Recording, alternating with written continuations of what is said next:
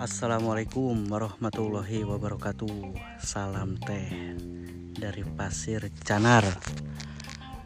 Di awal bulan 2023 ini mudah-mudahan uh, industri teh dari hulu sampai ke hilir bisa meningkat kembali, bisa jaya menjadi emas hijau yang dulu pernah populer ya mungkin.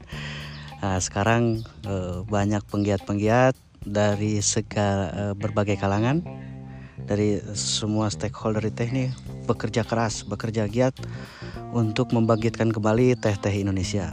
Nah, kami di sini juga sebagai semua stakeholder Pasir Canar ikut bergerak dengan apa yang bisa kami perbuat. Masih dengan speciality uh, produksinya kita pasti cara masih dengan produk-produk teh spesial.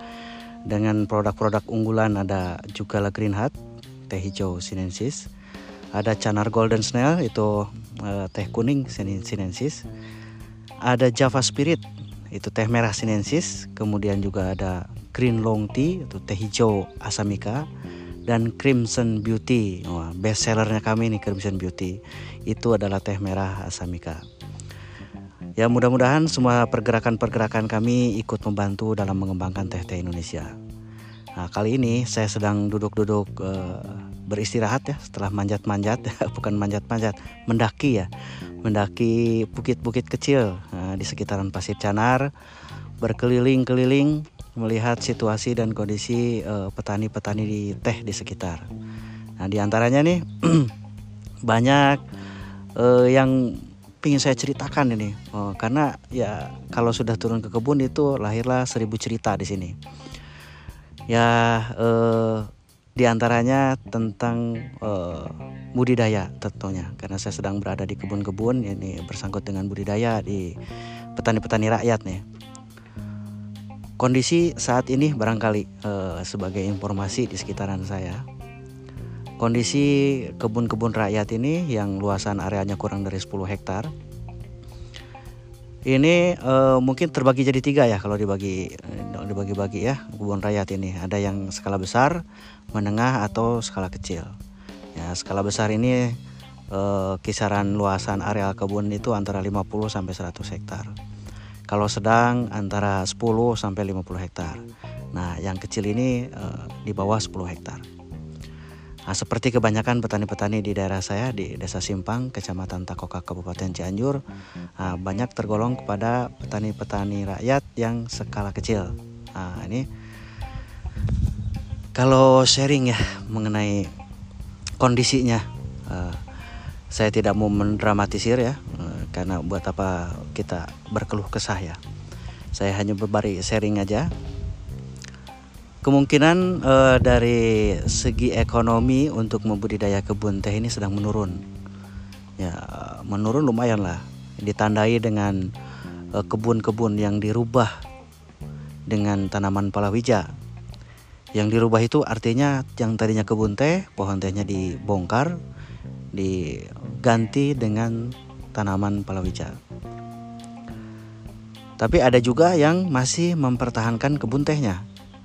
Nah, tetap kebun tehnya, eh, pohon-pohon tehnya dibiarkan, dia tumpang sari dengan tanaman-tanaman palawija. Nah, untuk petani-petani yang skala sedang nih antara 10 sampai 50 hektar, mereka cenderung mempertahankan kebun tehnya. Meskipun mereka juga menanam palawija, tapi mereka memanfaatkan tanam eh, lahan-lahan yang lainnya, lahan-lahan yang kosong yang tidak ada tehnya untuk ditanami palawija. Sedangkan kebun tehnya meskipun tidak jadi unggulan, tetap mereka pertahankan. Ya itu bagian dari perjuangan barangkali. perjuangan orang-orang teh ya di sini. Nah, barangkali ada yang uh, apa namanya? Uh, mendengarkan dari para pemangku kepentingan yang bisa membantu para petani, tentu sangat kami tunggu yang beberapa tahun ini eh, bantuan-bantuan uh, seperti uh, belum tersampaikan ke detailnya masyarakat. Nah, tidak kami pungkiri ada beberapa bantuan yang sampai ke kami. Seperti contohnya uh, bibit bibit teh asamika klun Gambung 7 ya alhamdulillah sampai ke petani. uh, itu kami syukuri. Jadi bisa kami tanam, uh, para para petani juga senang mendapatkan bibit. Namun sebagai masukan, alangkah lebih baiknya jika lo memberikan uh, bantuan bibit itu disertai dengan edukasi uh, budidayanya. Nah, sayang mungkin edukasi budidayanya uh, hanya kebagian ke segelintir orang ya. Uh, barangkali mungkin adalah mereka adalah perwakilan, tapi untuk langsung ke setiap petaninya satu-satunya petani itu tidak tidak tersampaikan secara detail ya. Hanya tahu menanam, uh, setelah ditanam sudah dibiarkan. Nah, itu uh, barangkali masukan-masukan. Selain bibit juga ada saya uh, di daerah kami itu ada satu penerima bantuan mesin pengolahan teh hijau. Um, apa yang kapasitasnya sekitar 2 ton. Ya, bantuan mesin teh hijau ini kami syukuri juga, alhamdulillah. Terima kasih yang sudah peduli. Uh, mudah-mudahan dalam segi edukasinya juga mereka sampai, tapi saya tidak ngontrol langsung ke, ke orang yang mendapatkan bantuan, hanya berbincang-bincang se, sekilas ya. ya. Dan menurut mereka uh, untuk kapasitas 2 ton untuk produksi massal itu masih kurang ya untuk kapasitasnya karena e, kapasitas untuk pengolahan teh hijau yang mass product itu minimal 4 ton untuk bisa mendapat kategori menguntungkan karena dengan mengolah 2 ton ini malahan menjadi ngerogoh saku lagi. Untuk biaya bahan bakunya pucuknya itu sendiri biaya listrik bahan bakar bekerja borong ya karyawan yang bekerja dan mungkin overheadnya dan juga pemiliknya barangkali harus kebagian ya. Nah sejauh ini mereka berkeluh kesah ke pemiliknya belum kebagian. Nah, jadi uh, keringatnya uh, didedikasikan untuk teh Indonesia saya harap uh, sharing kali ini juga bisa didengar oleh teman-teman yang mempunyai kepentingan ya bisa bergerak ke turun ke petani, petani-petani teh. Dan teh Indonesia semakin membaik. Itu harapan yang selalu kami gantungkan dalam sebagai petani teh eh, dalam eh, usaha budidaya kami teh. Oke, terima kasih. Semoga tahun 2023 ini menjadi tolak ukur untuk kemajuan teh Indonesia yang berkembang dan kembali menjadi emas hijau. Oke. Thank you guys. See you. Assalamualaikum.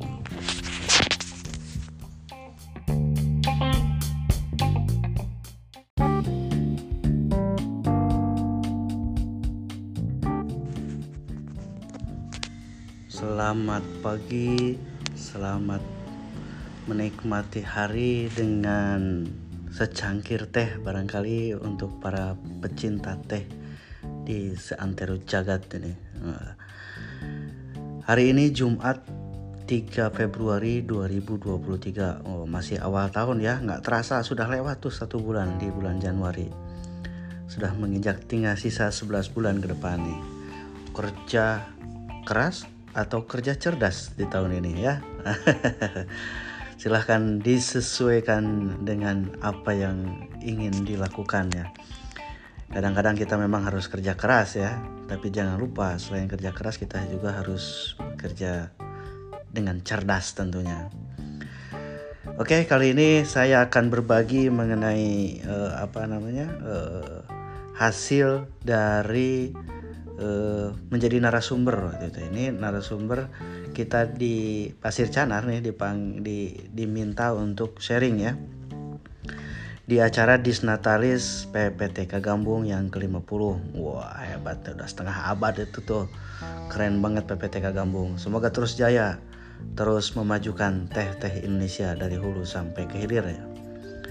Kebetulan kami Pasir Canar saya sendiri uh, diminta untuk menyampaikan uh, sebuah apa? sebuah perspektif apa? perspektif kondisi dan prospek bisnis teh hijau rakyat.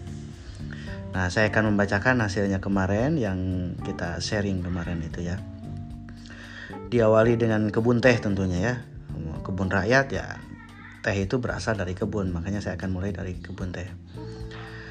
kebun teh sendiri itu dibagi menjadi dua ada satu perkebunan besar dan dua kebunan rakyat nah perkebunan besar itu ada punya negara ada yang juga swasta dikenal dengan PBN atau PBS nah saya juga di sini juga tidak apa tidak membahas mengenai perkebunan besar nah, karena memang saya eh, dari sisi kebun rakyat ya Kebun rakyat sendiri itu dibagi tiga nih. Ada yang skala besar dengan luasan 50 sampai 100 hektar. Kemudian ada kebun rakyat skala menengah dengan luasan antara 10 sampai 50 hektar dan kebun rakyat skala kecil yang di bawah 10 hektar. Sebagian besar dari masyarakat petani-petani kecil itu bahkan kurang dari satu hektar. Adapun kondisi mengenai kebun rakyat itu sendiri, nah, Kondisi kebun rakyat dengan skala besar masih bertahan dengan budidaya teh. Nih di tahun 2023 ini masih bertahan ya alhamdulillah supaya terus berkembang ya mudah-mudahan. Kemudian kondisi kebun rakyat skala sedang sebagian besar bertahan dengan kebun tehnya, sebagian lagi beralih fungsi ke komoditas lain. Nah, untuk skala sedang ini banyak menggunakan lahan-lahan kosong untuk ditanami palawija biasanya sebagian besar itu. Adapun kondisi kebun rakyat skala kecil cenderung mengikuti perkembangan di sekitarnya. Ini maksudnya banyak masyarakat-masyarakat atau petani-petani teh yang skala kecil yang kebanyakan ini luasan arealnya kurang dari satu hektar mengikuti perkembangan di sekitarnya maksudnya eh, eh, melihat tetangganya barangkali ya. Tetangganya ini ada yang berubah menanam sayur dia ikut menanam sayur. Kalau yang kehabisan modal ya kebun teh yang nggak dirawat nggak nanam sayur juga ya dibiarkan begitu saja. Biasanya petani-petani ini punya andalan lain lah. Mungkin juga dia menanam kayu atau biasanya rata-rata petani kecil itu memiliki hewan ternak kambing. Nah itu sebagai usahanya. Atau bekerja di tempat lain di kebun-kebun lain. Yang kebunnya lebih luas membutuhkan pekerjaan ya mereka bekerja di sana itu yang dimaksud dengan mengikuti perkembangan di sekitarnya Adapun yang masih mempertahankan kebun-kebunnya, nih kebun rakyat, hasil petikan dari kebun mereka dengan pucuk petikan P plus 5 sampai P plus 7, hasil dari kebun rakyat dijual ke pabrik-pabrik rakyat, tempat pengolahan teh hijau. Nah, karena pabrik-pabrik rakyat sebagian besar ini mengolah teh hijau ya di Indonesia nih eh, dengan apa dengan kemungkinan market yang lebih mudah dijangkau tentunya. Karena kebutuhan eh, keringan teh hijau cukup besar di Indonesia yang mana dijadikan untuk uh, teh tubruk ya di antaranya teh wangi gitu ya dan segala macam. Tapi ya paling besar kebutuhan teh hijau rakyat eh ke, maaf kebutuhan teh hijau di Indonesia uh, sebagian besar itu yang dibutuhkan adalah keringan teh hijau. Adapun hasil petik pucuk medium petikan P plus 1 sampai 3 dijual ke pabrik pengolahan teh spesial. Nah, kalau di Cianjur Selatan ada kami Pasir Canar yang menerima itu. Tapi di tempat-tempat lain juga banyak ini kan hanya contoh saja kalau yang di Pasir Canar itu nah sedangkan di pabrik-pabrik lain juga masih eh, cukup banyak.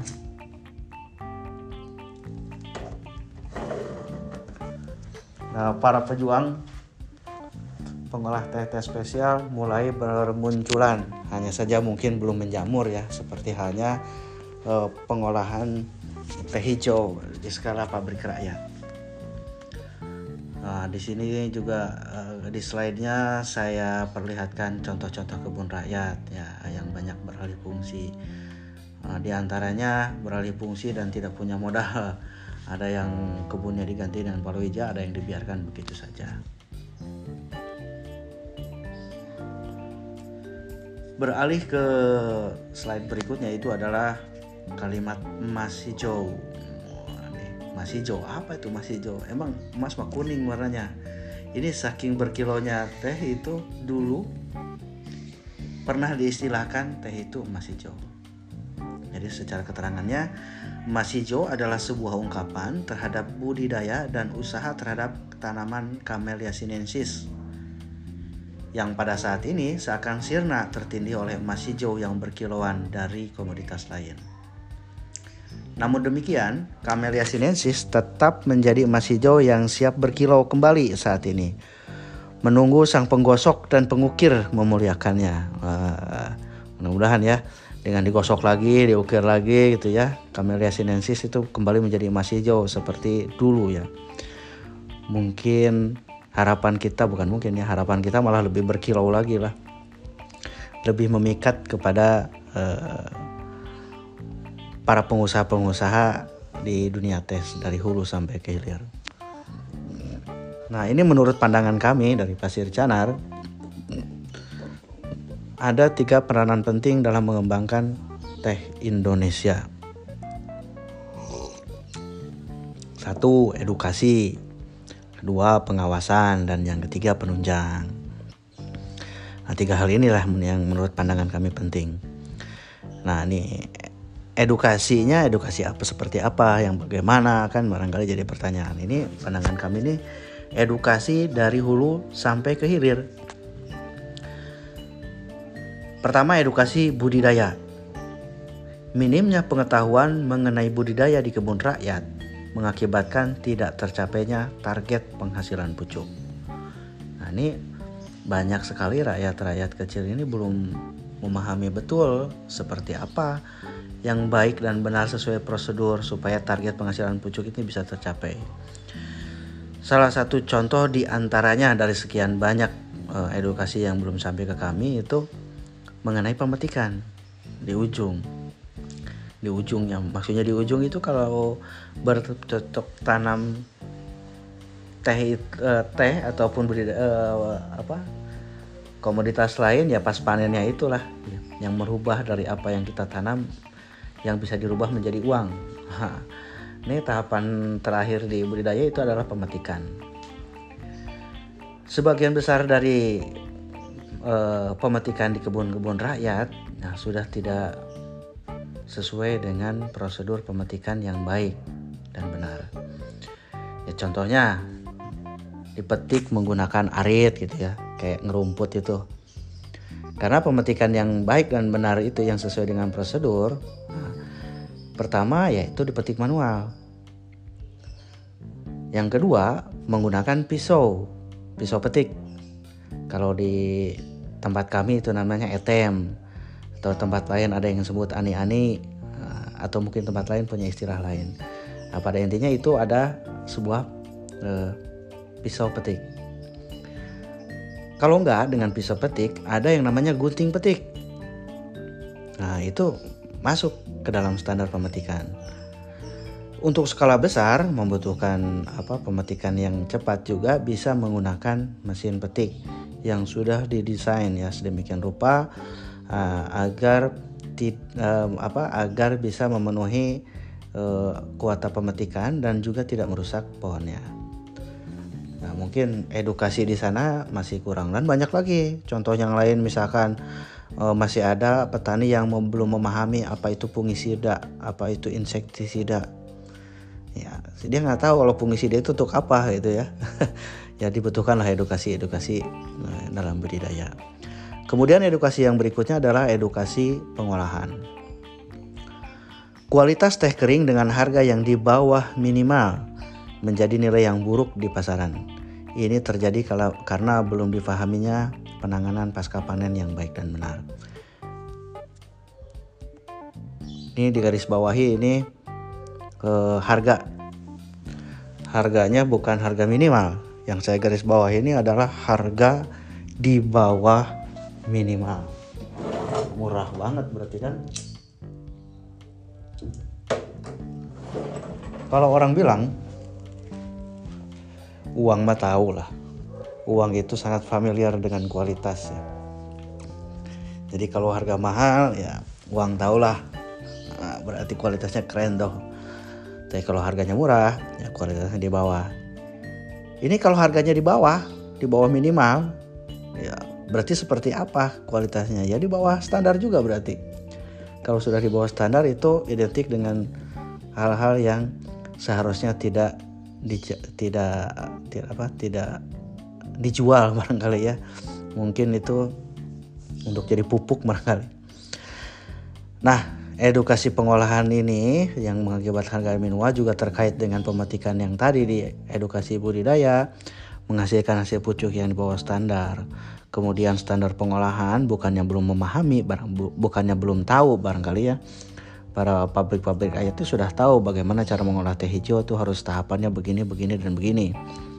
Tapi yang dimaksud di sini adalah belum difahami. Bagaimana kalau tidak dilakukan standar pengolahannya dengan baik dan benar akan mendapatkan hasil apa nantinya? Nah itu edukasi di pengolahan kurang lebih di, seperti itu.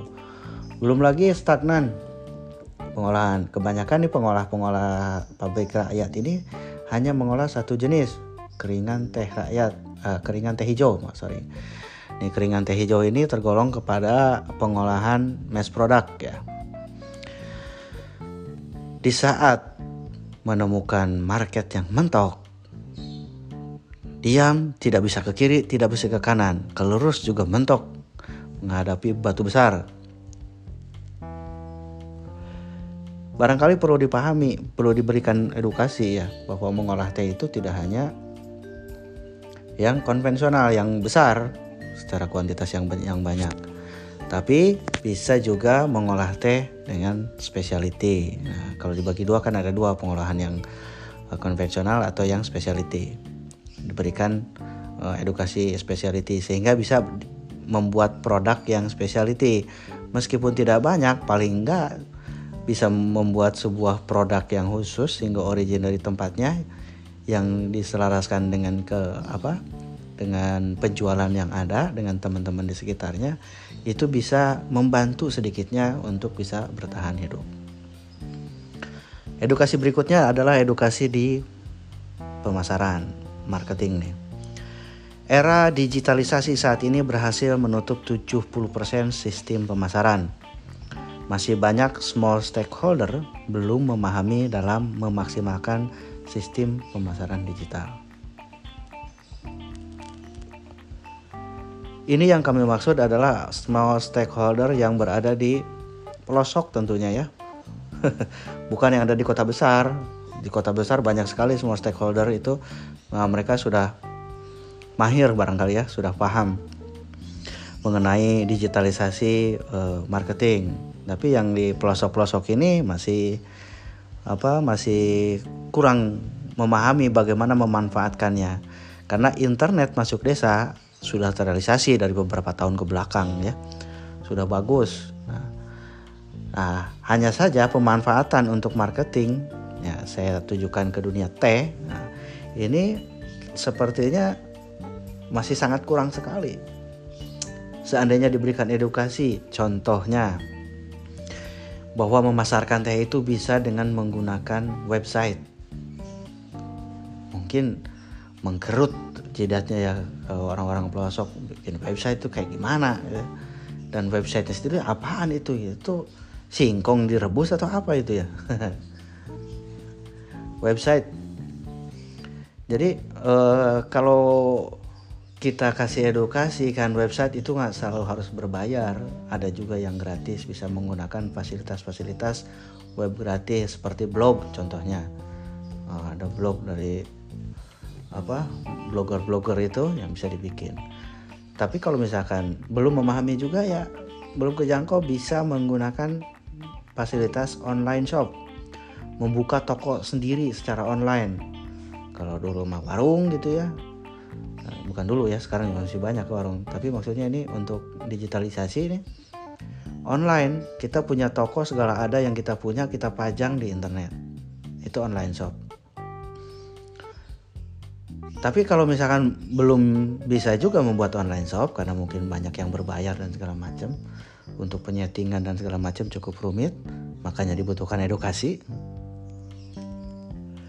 bisa menggunakan marketplace yang sudah banyak sekali dipakai oleh small stakeholder di kota-kota besar itu sudah familiar dengan ini ya bisa jualan dengan mudah dengan menggunakan fasilitas marketplace sebut saja Shopee misalkan atau Bukalapak atau Tokopedia dan banyak lagi yang lainnya.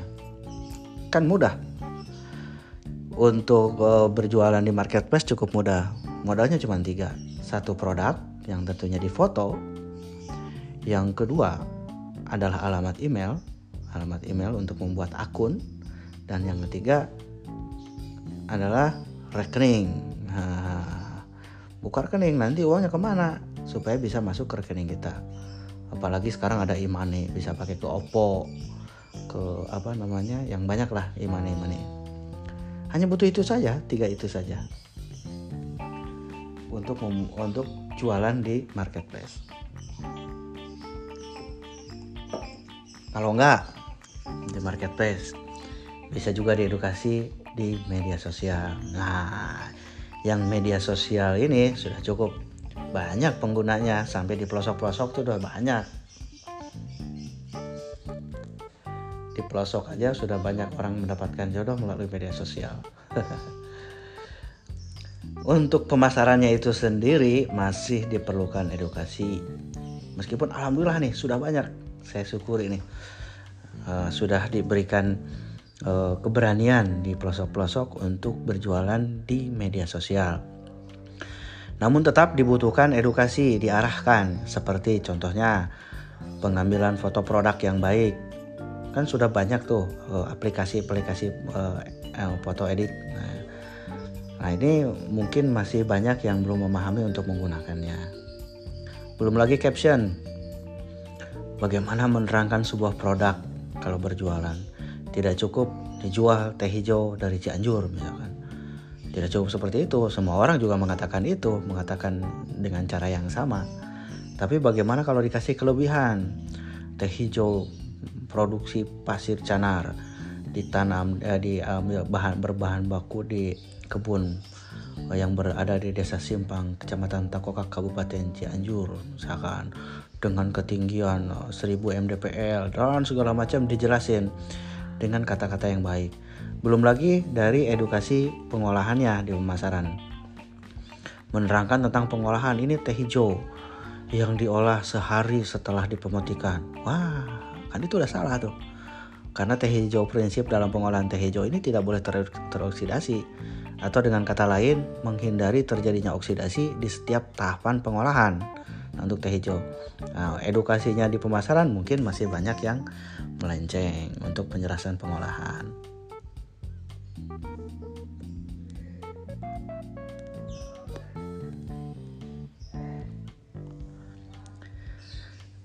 Berikutnya adalah edukasi konsumsi.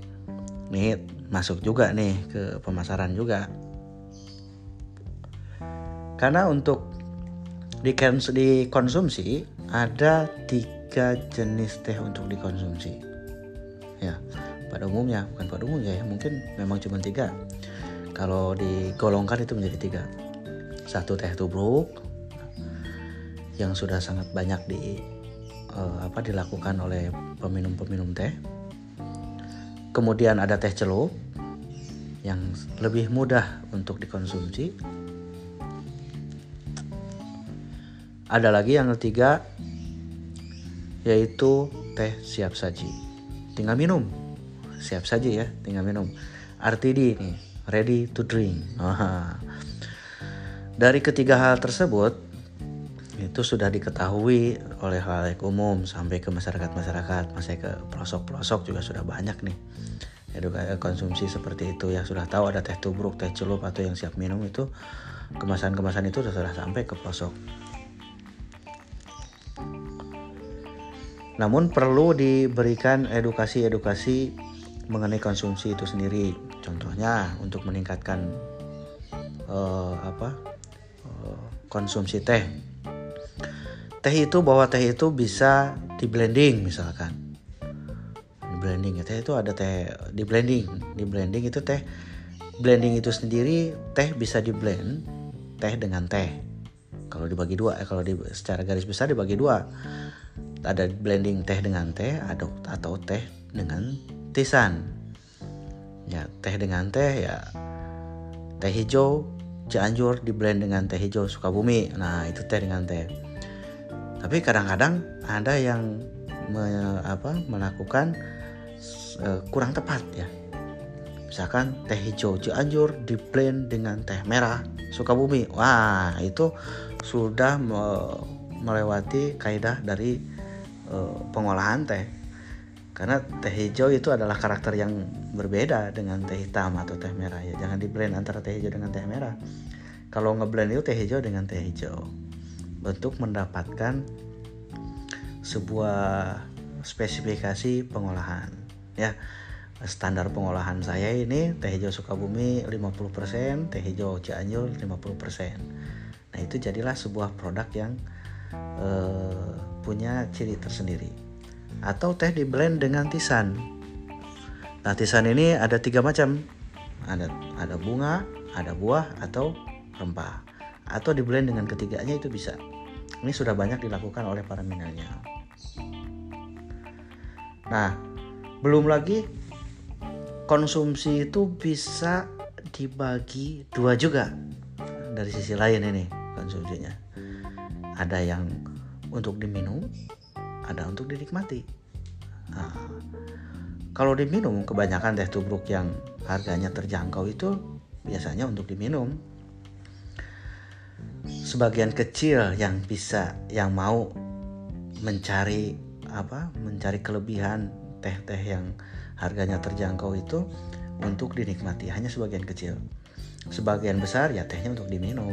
Nah, jadi kalau haus minum udah saya minum teh udah cukup. Nah itu juga udah bagus. Selama teh yang dikonsumsinya itu teh yang bagus. Atau teh untuk dinikmati. Ah kalau untuk menikmati teh itu lain cerita. Ada banyak-banyak e, cara-cara mengkonsumsi teh untuk dinikmati. Misalkan kalau di Cina ada oh, gongfucha ya, di Jepang ada chanoyu gitu ya. Terus juga di Turki di mana-mana dan macam-macam. Kalau di Indonesia ada apa enggak nih? Awas nih jangan bilang nggak ada nih. Nah, yang suka-suka ngeteh nih ada dong di Indonesia juga. Indonesia itu salah satu produsen teh di dunia juga tergolong ya dan punya cara penyeduhan teh yang mana tehnya bukan hanya diminum tapi juga dinikmati tehnya. Ya di antaranya patehan ada di Jogja, di Keraton tuh patehan. Terus ada teh nyanut, nyanut. Nah, nyanut itu di Garut. Terus ada teh talua. Nah, terus ada teh apa lagi tuh macam-macam lah cara cara penyajian penyajian teh di Indonesia juga ada nah itu perlu diedukasi sehingga eh, orang-orang awam lebih bisa melirik oh ternyata begini oh ternyata begitu nah itu dari sisi edukasi dari hulu sampai ke hilir kemudian hal yang kedua tiga peranan penting tadi yang keduanya itu adalah pengawasan Standar kualitas yang belum berjalan dengan baik mengakibatkan mutu teh Indonesia tidak dilirik untuk dijadikan single origin tea Indonesia di market ekspor. Teh Indonesia dijadikan sebagai penambah kuota dalam sebuah produk. Ini kenapa terjadi? Ya barangkali hasil keputusan setiap negara ya memang punya standarnya masing-masing. Nah, mungkin saat ini untuk uh, teh Indonesia dengan kapasitas yang bulky, yang besar, ini belum ada yang keluar dengan nama branding teh Indonesia. Atau saya yang belum tahu barangkali ya. mohon maaf nih kalau ada yang kalau memang sudah ada saya belum tahu, mohon diberikan informasinya. Tapi setahu saya ini belum ada. Contohnya kalau kita menyebutkan negara India Wah, orang teh pasti udah ingat langsung tehnya jarjiling. Oh, di. Pasti India. Atau Cina. Wah, Cina banyak sekali. Cina. Oh, mbahnya mungkin ya di sana. Ada Pu ada uh, Ti Guan Yin. Uh, terus ada Lapsang Sucong, ada Ulong. Wah, banyak sekali kalau disebutkan atau Jepang. Oh, Jepang ini terkenal dengan maca nih paling populer dari Jepang. Ada sencha, terus ada tencha. Wah, mungkin lebih banyak lagi karena paling unggulannya teh Jepang ini teh hijau nih, jenis-jenis teh hijau. dan ada berbagai macam teh hijau di sana. Atau mungkin Sri Lanka ada Ceylon dan segala macam lah dan negara-negara lain. Nah Indonesia ini perlu kerja keras dan kerja cerdas nih barangkali untuk bisa uh, memunculkan teh single origin di market ekspor. Nah ini dokter cinta dibutuhkan dengan kedisiplinan kedisiplinan regulasi yang ada. Nah ini pengawasannya nih butuh dokter cinta. ya dokter kan identik ya dengan uh, orang yang menyembuhkan orang sakit. Barangkali teh kita sedang sakit itu ya perlu disembuhkan. Adapun kalimat cinta uh, kalau bicara cinta ibaratnya gunung akan kudaki lautan kan kuseberangi demi mempertahankan kualitas teh Indonesia. Mohon maaf ah, sorry sorry terlalu ke dramatisir tapi pada intinya di Indonesia sendiri regulasi itu ada. Metik teh itu harus standarnya seperti apa itu kan sudah ada. Hanya saja belum disiplin diterapkannya. Kalau regulasinya ada, berarti dokternya juga ada. Ah, mungkin dokternya masih uh, kurang cinta sama teh. ya kalau sudah cinta, saya yakin kedisiplinan regulasi itu bisa berjalan dengan baik. Nah, itu dari segi pengawasan. Kemudian dari penunjang. Sarana dan prasarana untuk bisa menstabilkan baik kualitas maupun kuantitas di lapangan masih sangat minim, baik dalam budidaya maupun pada tahapan pengolahan atau penanganan pasca panen ya. Nah ini penunjangnya, kalau di kebun itu petani-petani mungkin kalau di bidang tehnya hanya mempunyai peralatan-peralatan peralatan-peralatan tradisional yang memang sudah umum ya dimiliki oleh petani seperti cangkul, eh, apa kore dan segala macam ya yang tradisional. Mungkin untuk metik itu eh, ada apa pisau petik tadi atau etem namanya atau ani-ani dan itu pun kalau saya perhatiin di tempat saya udah jarang yang punya ya yang etem. Tapi masih ada saya contohkan di Solok Padang. Kebetulan saya pernah ke sana bertemu dengan anak-anak milenial di sana yang mana mereka memesan mesin teh spesial untuk pengolahan teh hijau di Solok Padang. Nah, ternyata mereka itu adalah sebuah koperasi yang isinya anak-anak yang mengaturnya itu anak-anak milenial tuh. Mereka bagus sekali uh, uh, apa uh, membina para petani Nah, di koperasi ini mereka menyediakan uh, alat-alat perkebunan. Nah, mulai dari uh, cangkulnya itu sendiri ya, terus uh, alat-alat buat ngebersihin gulma. Uh, apa? Obat-obatan juga mereka sediakan, terus juga uh, mesin petik, mesin pengobatan ya mereka punya. Nah, caranya mereka meraih petani untuk dijadikan anggota koperasinya dan anggota-anggota petani yang menjadi anggota tersebut diarahkan oleh koperasi tersebut dan itu saya lihat berjalan ya waktu itu mudah-mudahan masih terus berjalan dan selalu terus berjalan.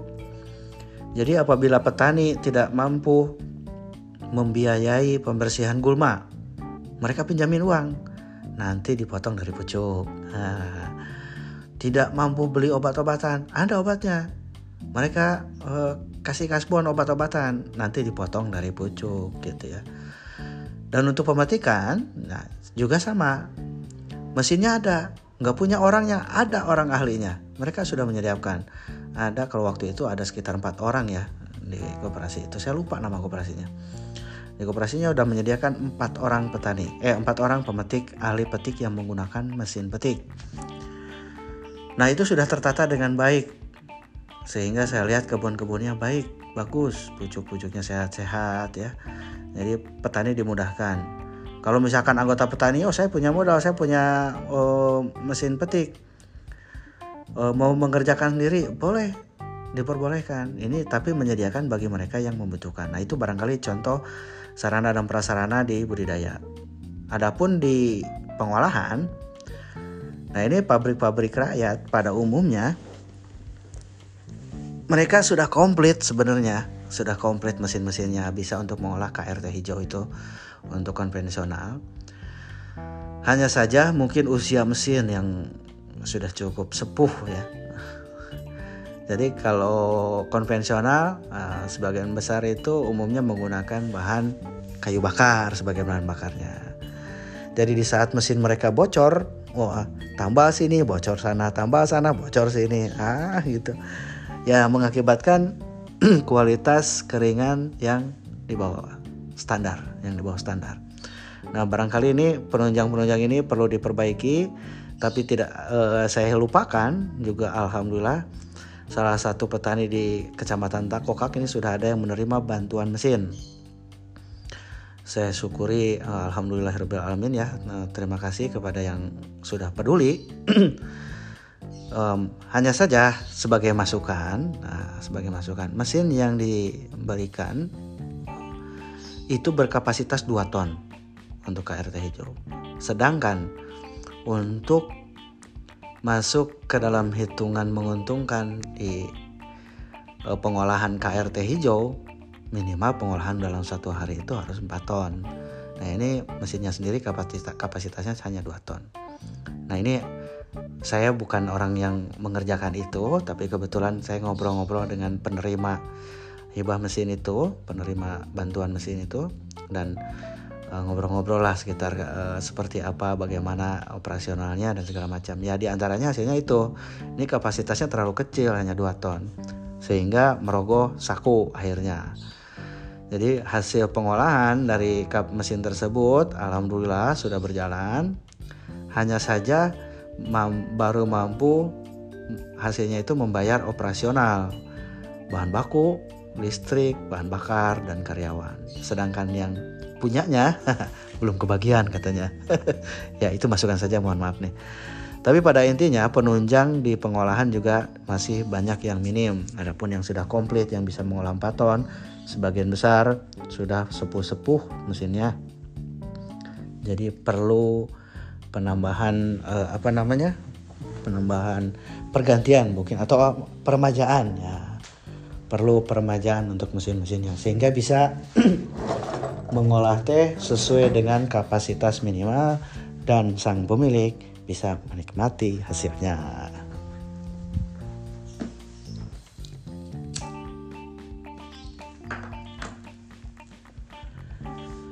Prospek teh hijau.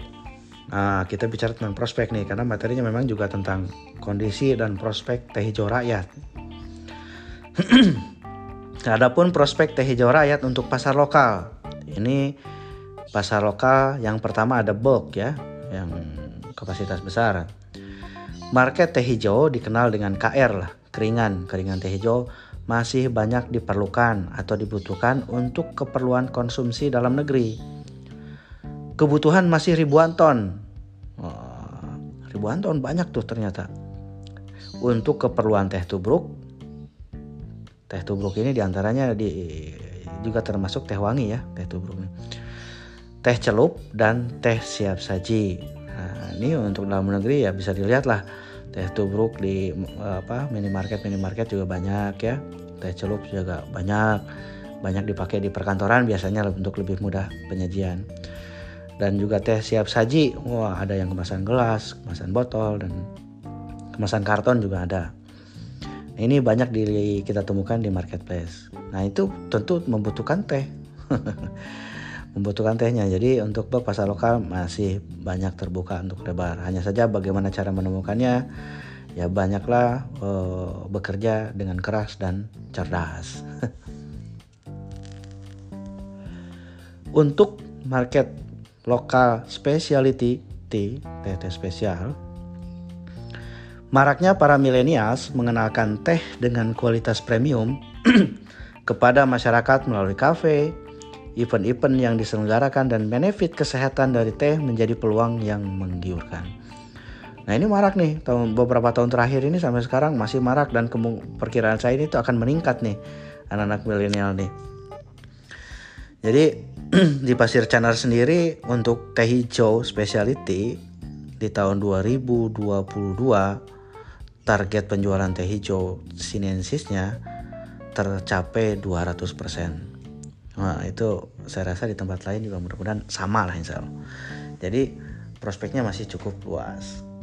Adapun prospek teh hijau pasar ekspor, imbas pandemi COVID-19 pada negara-negara penghasil teh memberikan celah yang bisa dimanfaatkan oleh pengusaha teh Indonesia. Nah pandemi ini ya cukup eh, apa memberikan pelajaran ya di semua komoditas ya yang termasuk di teh nah, termasuk di teh ya para pemangku kepentingan saya rasa sudah banyak menerima, informasi mengenai keperluan teh di eh, negara-negara uh, lainnya. Nah ini bisa dimanfaatkan oleh pengusaha teh untuk pasar ekspor. Selain itu juga end user di luar negeri sudah melirik teh produksi Indonesia. Oh, end user bro,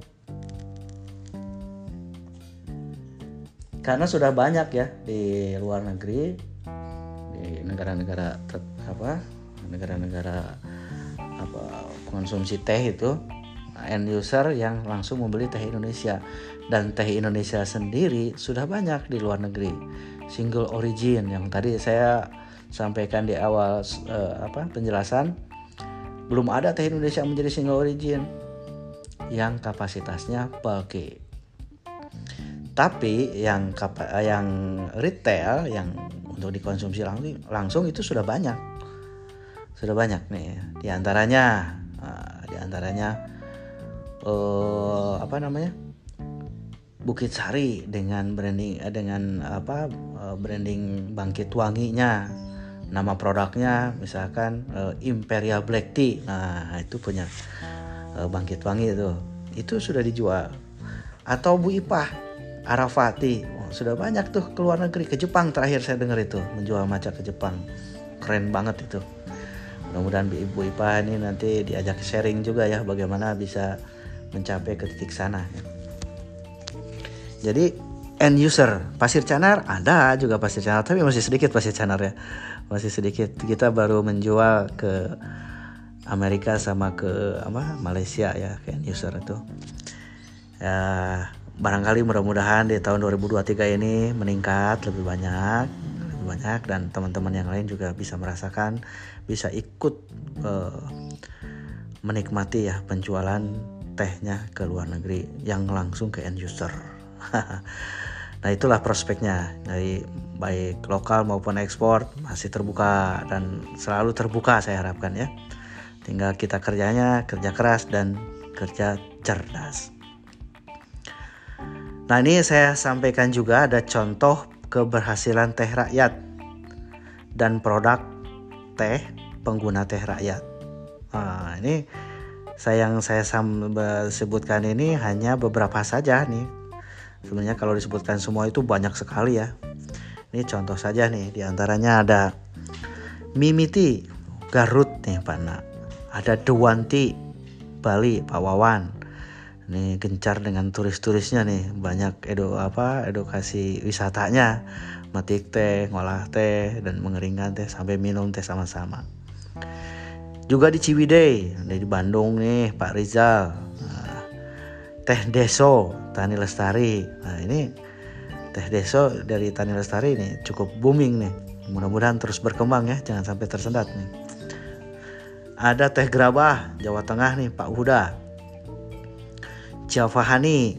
Pekalongan Pak Umar Sarip. Ini Javahani mendapat penghargaan juga nih di FIPA Paris 2021 apa 2022 ya? Javahani. Kemudian ada Hanesland Mountain Bandung Kang Tian. Ada teh kejek teh jubung Garut. Ada teh gelang Bandung. Ada pasir canar oh Cianjur Pak Peri. Hehehe saya. Alhamdulillah dan juga produk teh pengguna teh rakyat nih. Di antaranya nih ada pasar teh Jakarta nih Bu Gita. Gencar dengan memasarkan teh-teh Indonesia dengan kualitas premium specialty ya. ada House of Tea Jakarta Pak Gunawan. Wah ini udah sampai Sarinah nih. Uh, duty free Sarinah nih teh-tehnya. Ya, Alhamdulillah ada teh dari kita juga tuh. Atur nuhun Pak Gunawan. Juga ada Sila Agri Inovasi Bogor Mas Reda. Oh, Mas Reda. Ini kemarin beritanya baru pulang dari Las Vegas nih. Memperkenalkan teh-teh Indonesia. Uh, ada teh Nusantara Bogor, Bapak Mas uh, Muhammad Aspia, Mas Mas Aspia nih teh Nusantara. Gencar dengan edukasi-edukasinya. Kemudian ada kedai teh Lare Solo Bogor Pak Bambang. Oh, ini terkenal dengan tea blendingnya. Lady Marisa uh, keren sekali itu. Banyak sekali tea blending um, apa dari kedai teh Lare Solo yang banyak sekali menggunakan teh teh Indonesia ada Indonesia Tea Institute Jakarta nih Bu Ratna Semantri. Oh, ini sekolah teh di Indonesia. ini kalau yang belum tahu kontak Bu Ratna. Ah, cari informasi dong Indonesia Tea Institute nih. Dan di sini juga banyak di uh, apa? dikenalkan teh-teh Indonesia teh-teh yang bagus di Indonesia itu ada apa aja dan bagaimana cara nyeduhnya itu rasanya seperti apa. Nah, ini ada di Indonesia Tea Institute. Kemudian ada aktivis Indonesia. Ini para tim milenials nih. Di ini adalah sebuah apa komunitas uh, anak-anak milenial dalam dunia teh yang gencar me memasarkan, mengenalkan, mengedukasi teh-teh Indonesia. Ini Mas Cakra dan kawan-kawan ini. Mas Cakra Fikrajati ini. Aduh hatur nuhun pisan nih. Karena market sekarang banyak sekali yang apa dibantu uh, oleh para milenials nih, nih. Tergabung di antaranya dalam aktivis Indonesia. Kemudian ada Tipoto Cafe di Bandung nih, Kang Bilal. Wah, di sana aduh saya bangga sekali nih. Di menunya ditulis teh apa teh merah pasir canar. Wah, turnuhun Kang Bilal. Kemudian ada Smoking Barrels Jakarta dan ada Bahula Kopi Cimahi Kang Andi nih. Untuk Smoking Barrel dan Bahula Kopi ini adalah kafe kopi. Awalnya kafe kopi dan sampai sekarang juga masih kafe kopi. Tapi mereka juga menjual teh-teh Indonesia. Dan ini hanya contoh saja dua, banyak, banyak sekali malah terutama silakan bergabung di aktivis Indonesia anak-anak milenialnya. Nah di situ bisa temukan kafe-kafe kopi yang juga menjual teh. Bahkan di antaranya uh, eh, coffee house ditambahkan sekarang coffee and tea house. Keren ya turun anak-anak milenial. Dan mohon maaf nih yang belum saya sebutkan di sini ya tidak cukup mungkin waktunya kalau untuk saya bacakan semua ya. Tapi di antaranya mereka-mereka ini yang memperkenalkan teh-teh Indonesia dari pengolah-pengolah teh yang menjaga kualitas terbaik uh, teh Indonesia. Oke, berikutnya juga ada saya contohkan teh pasir canar yang mendapat penghargaan. Ada Crimson Beauty. Nah, ini pertama kali pasir canar mendapatkan penghargaan itu dengan branding Crimson Beauty ya. Itu adalah teh merah asamika dengan uh, apa medali gourmet gourmet itu uh, apa layak apa bukan layak apa namanya uh, golongan teh berkualitas di EPPA Paris Prancis di tahun 2020. Nah, yang terbaru dari Pasir Canar ada Chisuchen Black Tea Best Single Origin kategorinya dengan medali silver di Australia Golden Leap Awards 2023. Baru banget kemarin bulan Januari. Dan yang kedua, Golden Fragrant di ajang yang sama nih, Light Oxidasi Oxidized Oolong dengan medali gold di ajang Australia Golden Leap Award 2023. Nah, ini hanya contoh saja Pasir Canar kayak kebetulan ini yang pembicara yang ngomong ini orang Pasir Canar ya contohnya Pasir Canar aja. Tapi sebenarnya banyak yang mana yang banyak itu? Saya contohkan kembali Bukit Sari dengan Bangkit Wangi. Mereka mengantongi 8 penghargaan di luar negeri. Yang di antaranya itu apa uh, Imperial Black Tea. Terus ada Pak Umar Sarip, ya Java Hani gitu ya. Dan yang terbaru bareng dengan kita nih Australian Golden Leaf Award nih, nih Pak Umar Sarip ini uh, untuk Java Maocha. Eh, saya kasih bocoran tuh dari Pak Umar Sarif. Java Maocha, masa nggak penasaran? Saya juga penasaran nih Pak Umar. Boleh dong icip-icip lah. ada juga dari Sukabumi tuh Sukabumi juga mendapat empat penghargaan nggak tanggung tanggung sekaligus tuh empat penghargaan apa aja tuh silahkanlah dicek and recheck ke uh, ini ke Pak Galung Sukabumi. Keren banget teh tehnya. Eh selain itu juga kalau ini di apa namanya di uh, Tobawangi itu punya teh nomor satu di Indonesia. Berdasarkan hasil kompetisi teh hijau ya di yang diadakan oleh Asosiasi Teh Indonesia kalau salah. Punya tuh teh hijaunya. Keren banget saya pernah minum dan itu enak banget teh hijaunya. Saya akui ya, keren pokoknya. Nah mungkin begitu saja yang bisa disampaikan kali ini ya lama-lama juga pusing juga dengerin saya ngoceh mulu ya yang terakhir tidak akan saya lupa untuk memberikan moto kita Pasir Canar Mari kita tingkatkan kualitas petani teh Indonesia. Thank you guys. Assalamualaikum.